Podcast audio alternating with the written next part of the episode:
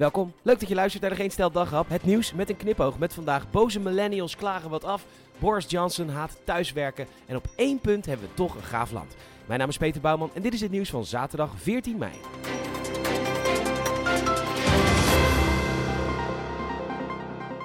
Ik had vroeger een bijbaan als vakkenvuller bij de lokale Deen. Daar had ik een manager en die had zich helemaal door de Deen gelederen omhoog gewerkt tot floormanager. De man was nogal een sneu figuur. Die vond het leuk om heel erg boos te doen als ik een keer niet goed had gespiegeld of een keertje te laat kwam. Ja, ik maakte fouten, maar deze vent reageerde op alles waren het Poetin met bloedkanker. Na drie weken zei ik dikke doei en ging ik aan de slag bij de lokale Hoogvliet. Leuke collega's, de floor manager was een puikenvent.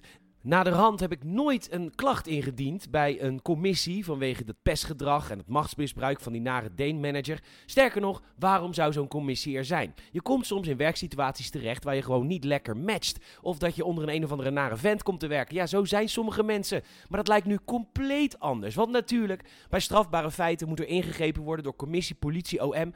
Maar een kutrelatie op het werk is nu ook al een ding. Nu zijn het drie ex-medewerkers van D66-europarlementariër Samira Rafaela, de, ik geef het je op een briefje, millennials, hebben een klacht ingediend vanwege intimidatie, machtsmisbruik, pestgedrag en bedreiging. En dit zou volgens de, geloof me nou, millennials zorgen voor een onveilige werksituatie, al dus NRC. Het betreft dus ex-medewerkers, omdat in één geval Rafaela het contract van deze heuswaar millennial niet had verlengd. En dus is deze, het is echt wel een millennial boos, want het is natuurlijk onmogelijk dat deze echt waar millennial millennial zijn haar het werk niet goed zou uitvoeren. Nee, stel je voor, daar heeft deze, het is heus wel een millennial, zijn haar het opleiding Leisure Studies niet voor afgerond. Twee anderen volgden met klachten voor dingen die niet strafbaar zijn. Ook boos op de oude werkgever. Ondertussen draait Rafaella uit de partij te stappen, omdat ze zich niet genoeg gesteund voelt door de partijtop. Ja, voorheen, tot drie weken geleden, steunde de partijtop haar mensen altijd door onderzoeken in een verre laten stoppen. Maar dat kunnen ze nu niet meer doen, want betrapt. Lekker opstappen, Rafaela, want er gaan nog veel meer millennials komen die klachten hebben omdat het intermenselijke contact even niet lekker ging. D66'ers zijn namelijk supermensen die geen fouten maken. Daar pas je helemaal niet tussen. Boris Johnson vindt dat mensen maar eens moeten stoppen met dat thuiswerken. Naar eigen zeggen is hij veel productiever als hij op kantoor werkt. Want, zo stelt hij, thuis wordt hij alleen maar afgeleid door koffie en het lopen naar de koelkast voor kaas. Toch grappig dat juist hij dat zegt. Hij is een van de weinige Britten die woont in een huis dat een ambtswoning en dus kantoor is.